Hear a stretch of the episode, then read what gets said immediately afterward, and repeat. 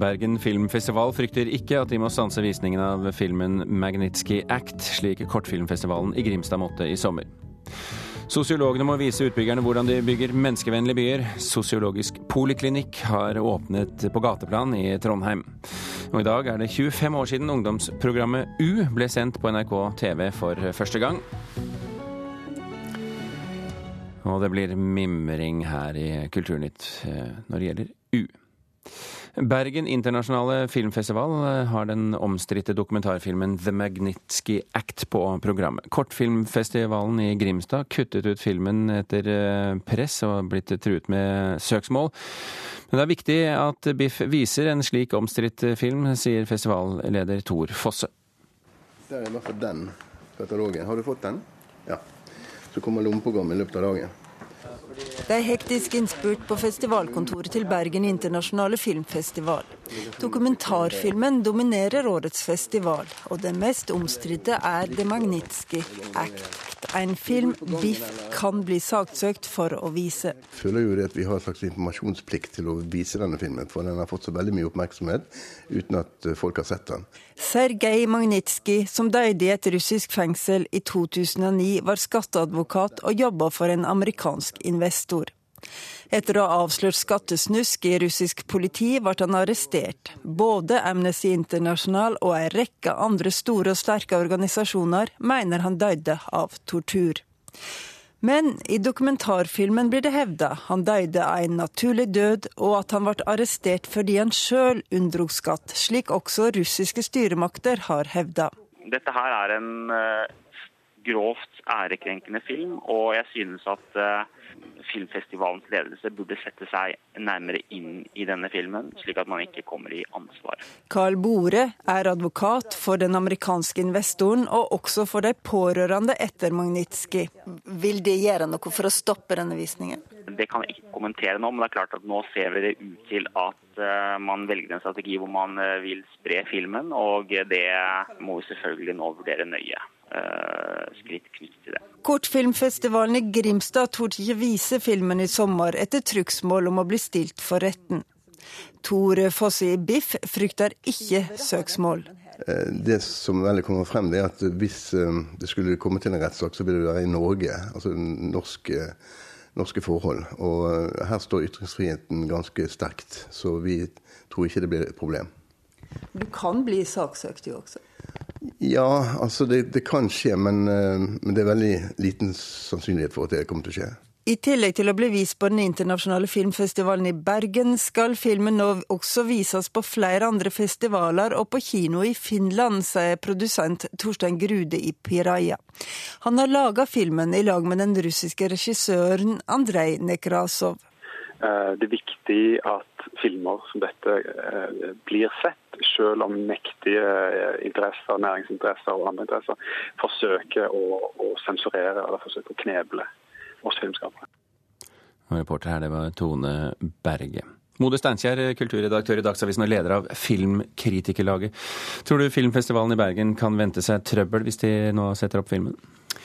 Det vil helt eh, klart bli diskusjon rundt visningen. Eh, jeg tror ikke at eh, Bill Browder og hans advokat i Norge vil la visningen gå uten at de reagerer på en eller annen måte. Samtidig så har jo filmen blitt vist nå flere ganger, også i Norge. Den ble vist i sommer på Norsk Filminstitutt. Da var det flere av de organisasjonene som Det var en slags lukket visning? Det var en lukket visning, men den var altså åpen for de som ville, ville se av, av interesserte. Eh, det ble en, en ganske opphetet debatt etterpå. Både mellom eh, filmskaperne, men også, også menneskerettighetsorganisasjoner som da støtter Browders syn og mener at, at Amnesty og de har rett.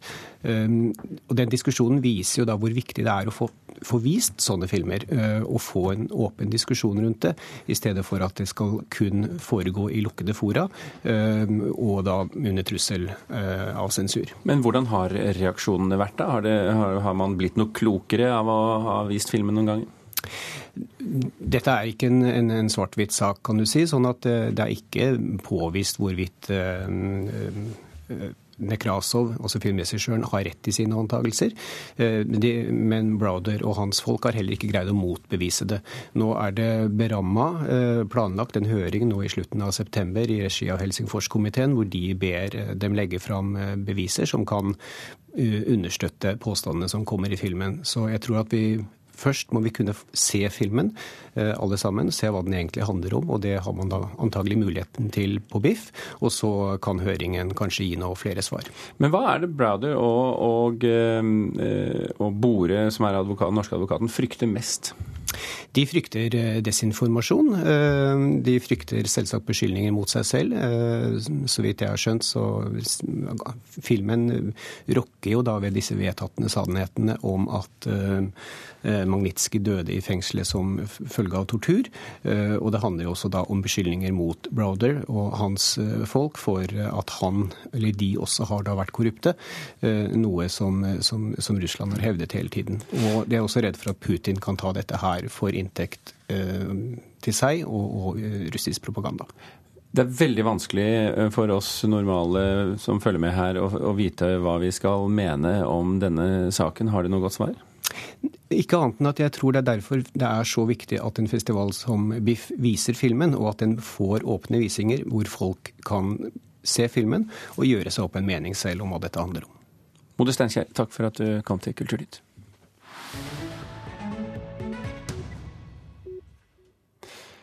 Facebook begynner å merke trykket fra flere hold etter debatten om bildsensuren, eh, Philip.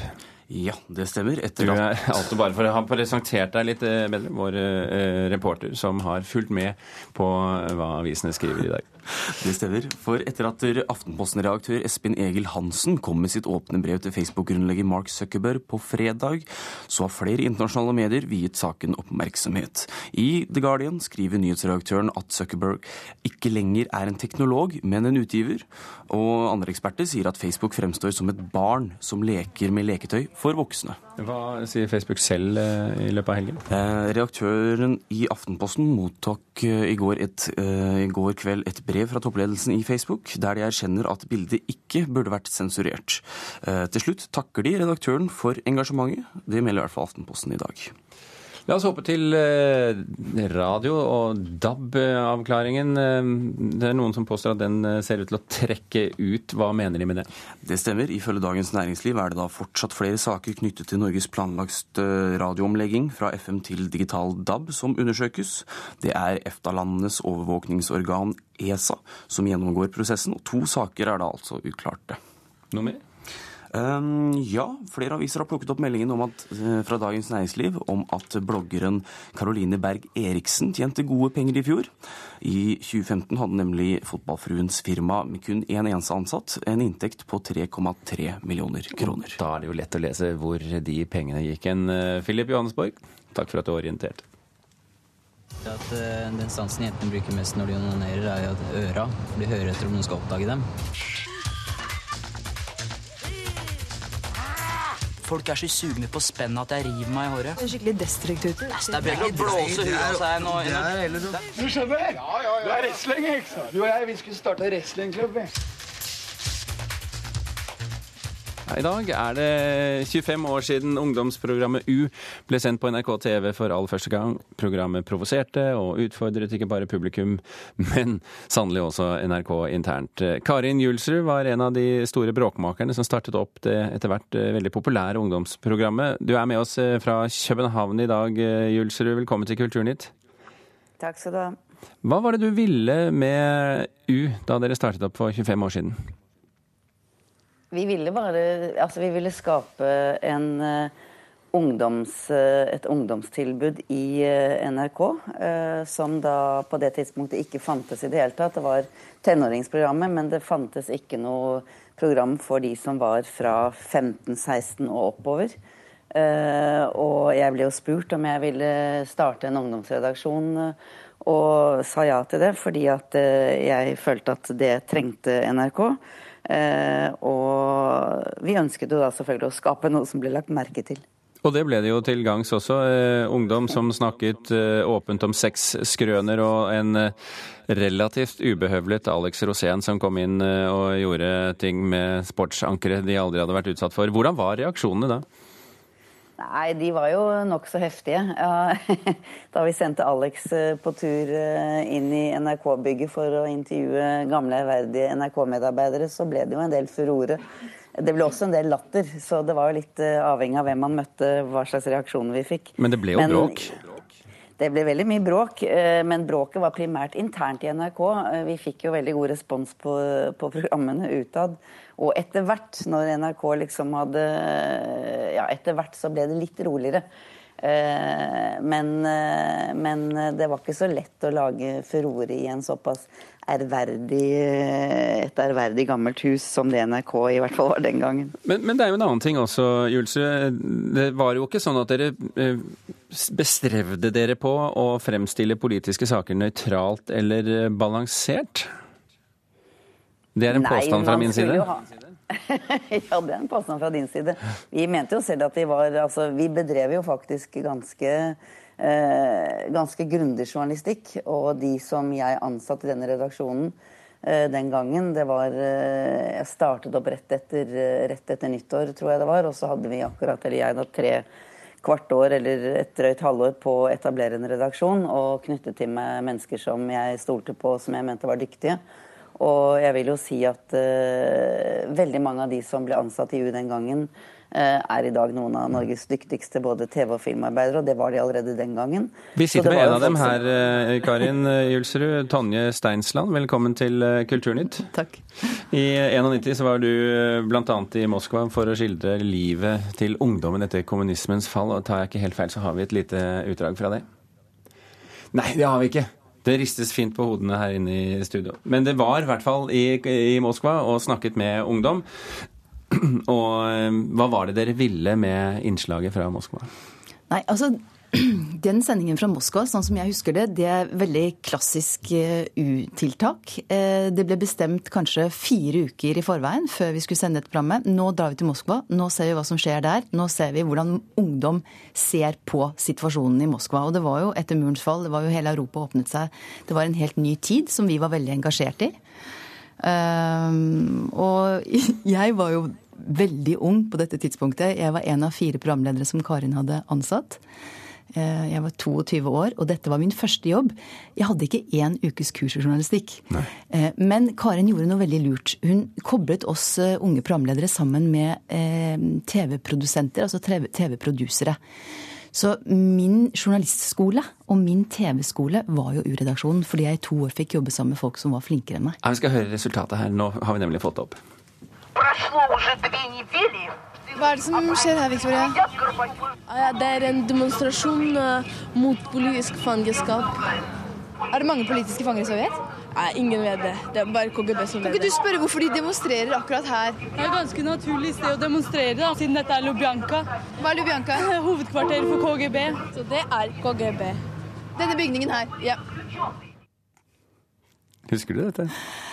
Vagt, må jeg innrømme. Jeg har ikke sett den sendingen siden på disse 25 årene.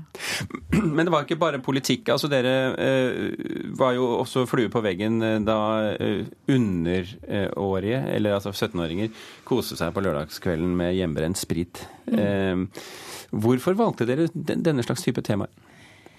Altså, jeg husker det som at vi var veldig opptatt av ærlighet. Vi skulle ut og beskrive det sånn som det var. Eh, og det var ikke med en sånn moralsk pekefinger. Vi skulle heller ikke oppdra ungdom.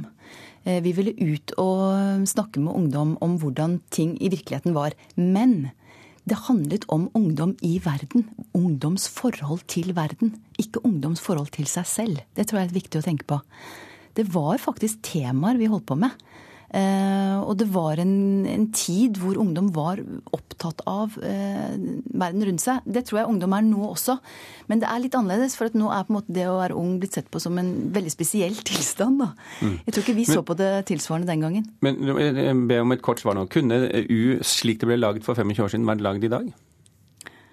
Eh, jeg håper det. Karin Julsrud, hva tror du? Jeg er usikker, fordi at eh, akkurat det Tonje sier nå om at vi jobbet ut fra tematikk eh, i hvert enkelt program, Det var noe med at det var et annet type engasjement om verden, som Tonje nettopp snakket om den gangen, enn det er i dag, opplever jeg. Eh, I dag er det mye mer eh, Altså, det, vi lever i en verden hvor eh, hvor, eh, som, ja, hvor, ungdom er opptatt av selfier, av uh, mye navlebeskuelse. Jeg, jeg, jeg, ba, det var annerledes den gangen. Vi er, har litt sånn forsinkelse på linja her, Karin. Jeg ba pent om et kort svar fra, fra, fra Tonje, og jeg skulle gjort det med deg også. Vi er nødt til å runde her. Vi har så mye vi skulle fylle denne sendingen med. Takk, Karin Julsrud, for at du var med oss fra København. Takk også til Tonje Steinsland for at du var hos oss her i studio. U 25 år i dag, altså. Klokken har passert 18 minutter over åtte. Du hører på Kulturnytt, og dette er toppsakene i Nyhetsmorgen i dag. Tollvesenet vil lagre foto av alle biler som krysser grensen til Norge. Masseovervåking, mener Datatilsynet. Bøndenes kjøttsamvirker Nortura bytter ut egne IT-ansatte med et indisk selskap. Selskapet frykter tap av omdømme, ettersom de selv nyter godt av høye tollmurer.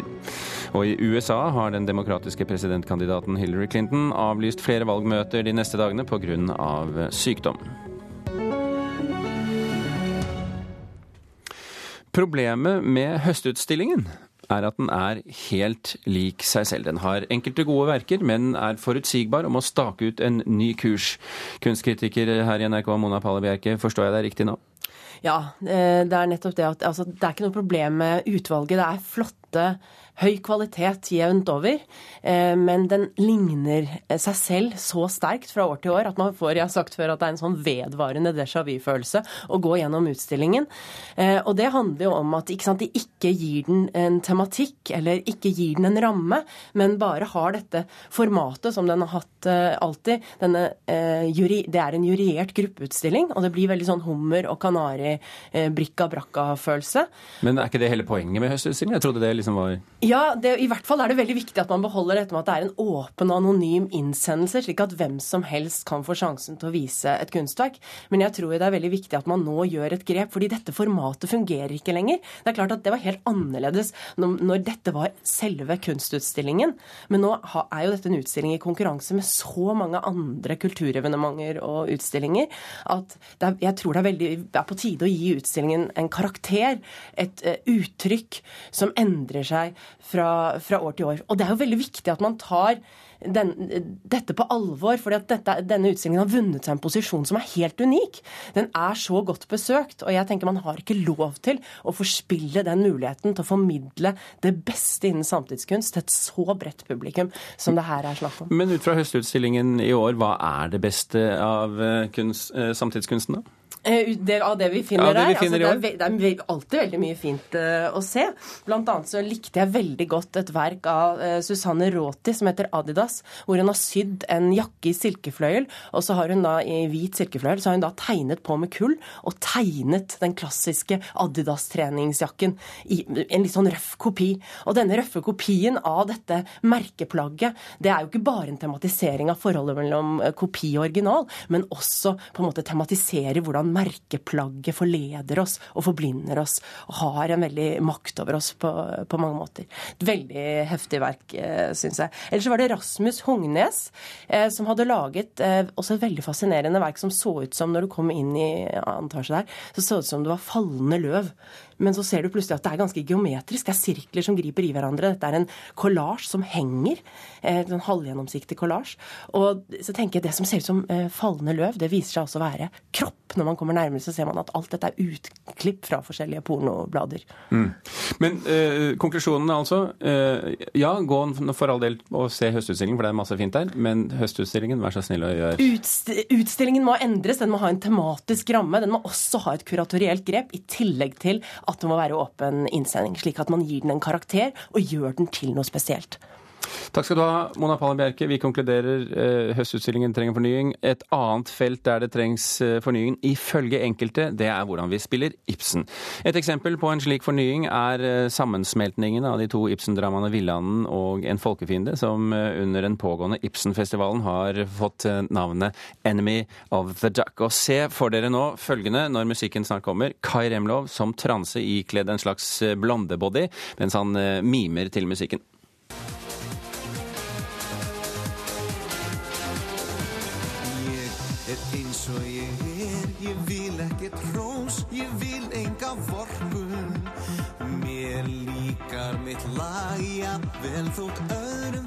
Velkommen, eh, vår teaterkritiker Karen Frøsland Nystøl.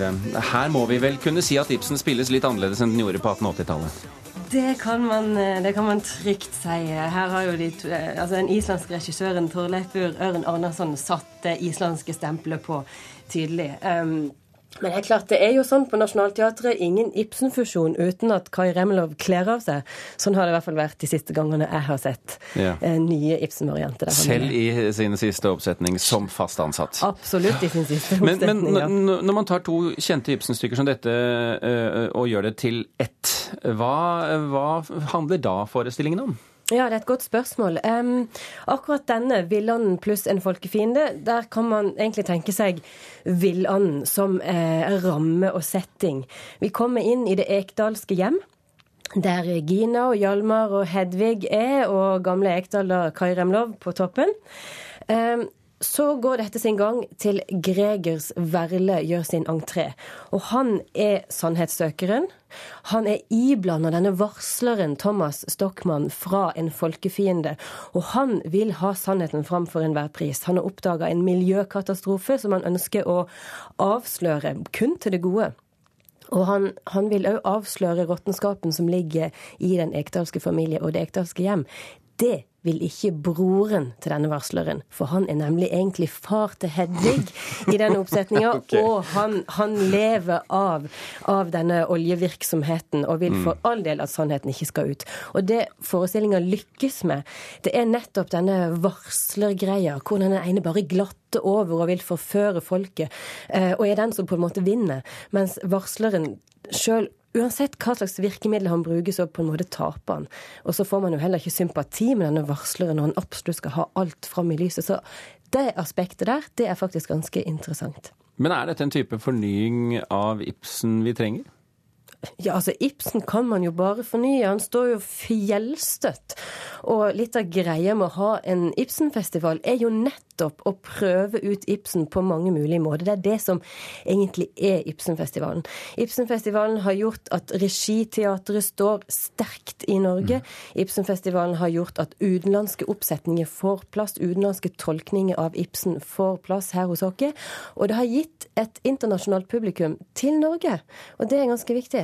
Men, men, skjønner du likevel kritikken som har kommet i avisene de siste dagene, eh, som peker på at um, vi får jo aldri se liksom, Ibsen sånn som han er tenkt, og alt skal fornyes, og blir ikke nødvendigvis noe bedre av den grunn? Nei, ikke alltid det blir bedre, men det kan gi en nye tanke og, og, og, og nye perspektiver. Altså Det mest radikale er jo egentlig å spille Ibsen akkurat sånn som han står. Det er det jo ingen som, som gjør nå. Du har 30 sekunder på deg på å gi folk et tips om andre ting enn eh, dette stykket de kan se på Ibsenfestivalen. Da vil, jeg, da vil, jeg, heie fram den nye norske dramatikken som vises under Ibsenfestivalen. Verdenspremiere på et nytt stykke av Arne Lygre. Det var nå i helga, og den spilles lenge. Gå og se den. Sara Li Stensrud og Fredrik Høyer har òg forestillinger under Ibsenfestivalen. Og det er jo noe av det fine. At nye norske dramatikere løftes fram sammen med denne gamle som vi tagger litt på og tuller litt med. Du klarte deg med 25 sekunder, Karen Frøsland Nystøl. Takk for at du eh, anmeldte Ibsenfestivalen for oss.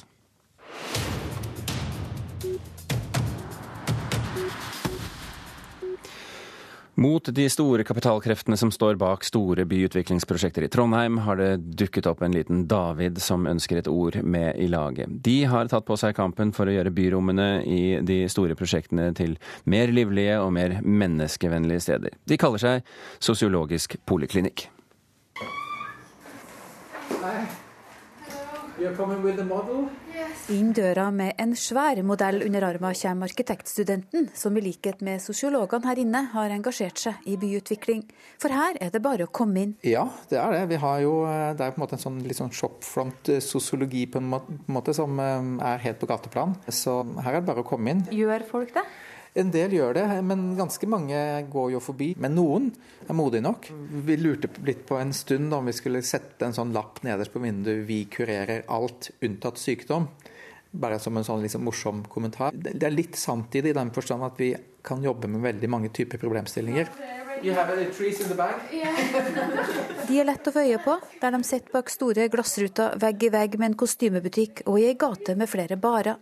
Her har professor i sosiologi Aksel Tjora og kollegene skapt sin workspace, for lettere å kunne møte folk og ikke minst styrke samarbeidet med næringslivet, som på Brattøra i Trondheim, der svære kontorbygg reises men så livlig er det ikke der ennå. Nei, Man har jo den problemstillingen der eh, som man også har i Oslo med Barcode og sånn, at du utvikler ganske massive store utbyggingsprosjekter. Og så tar det litt tid før du greier å få næring inn. Og Hvis man ser på sånne type sånn prospekter for nye områder, så det yrer av liv sant, på tegningene og visualiseringene. Men når ting er ferdig, så er det helt steindødt. ikke sant? Det hadde vært veldig fint å ha noen kafeer eller hatt noe som skjedde på kveldstida, for det er veldig dødt etter klokka fire. Anne Kristine Gjøranli jobber i et av de svære nye kontorbyggene på Brattørkaia, og nyter matpakken ute ved den nye havnepromenaden. I sommer har vi hatt Simens isbar, og det har vært veldig hyggelig. Men eh, det er kanskje ikke sånn veldig bra forretningsidé på vinteren. Entra eier det meste her, og flere svære bygg skal reises. Sosiologene er dratt inn i planlegginga. Ja, vi har hatt et veldig godt samarbeid med Sosiologisk poliklinikk for å utvikle planene om hvordan vi skal tilrettelegge Brattørkaia og bygulvet på Brattørkaia for å bli bli mer, stadig mer attraktiv for Trondheims befolkning. Stine Hostad er leder for Entra i Trondheim. Området er langt fra ferdig, men hun er ikke i tvil om at dette blir en bydel folk vil oppsøke. Når vi er ferdig med utbygginga på Brattøya, så skal det bli et, folk, et, eh, område som Trondheims befolkning har lyst til å gå ned for å oppholde seg på. Sosiologisk poliklinikk er kommet for å bli, og de mener sjøl de trengs. Nå er det jo kun Trondheim som har en sosiologisk politikk, og jeg følte i verden sånn sett. Eh, men det kan jo hende at vi må lage noen filialer i andre byer etter hvert. Det får vi se på. Ja, Det sa til slutt her Aksel Tjora, professor i sosiologi ved NTNU. Reporter var Grete Tobro. Kulturnytt skal runde av nå. Eh, toppsaken vår i dag var at Bergen Filmfestival ikke frykter at de må stanse visningen av filmen The Magnitsky Act, slik kortfilmfestivalen i eh, Grimstad måtte i sommer. Viktig at alle får se filmen, så vi vet hva vi skal mene om den, påpekte leder av Filmkritikerlaget, Mode Steinkjer. Sine Trålt var produsent i dag. Birger Kålsrud Jåsund satt i studio. Takk for at du fulgte med.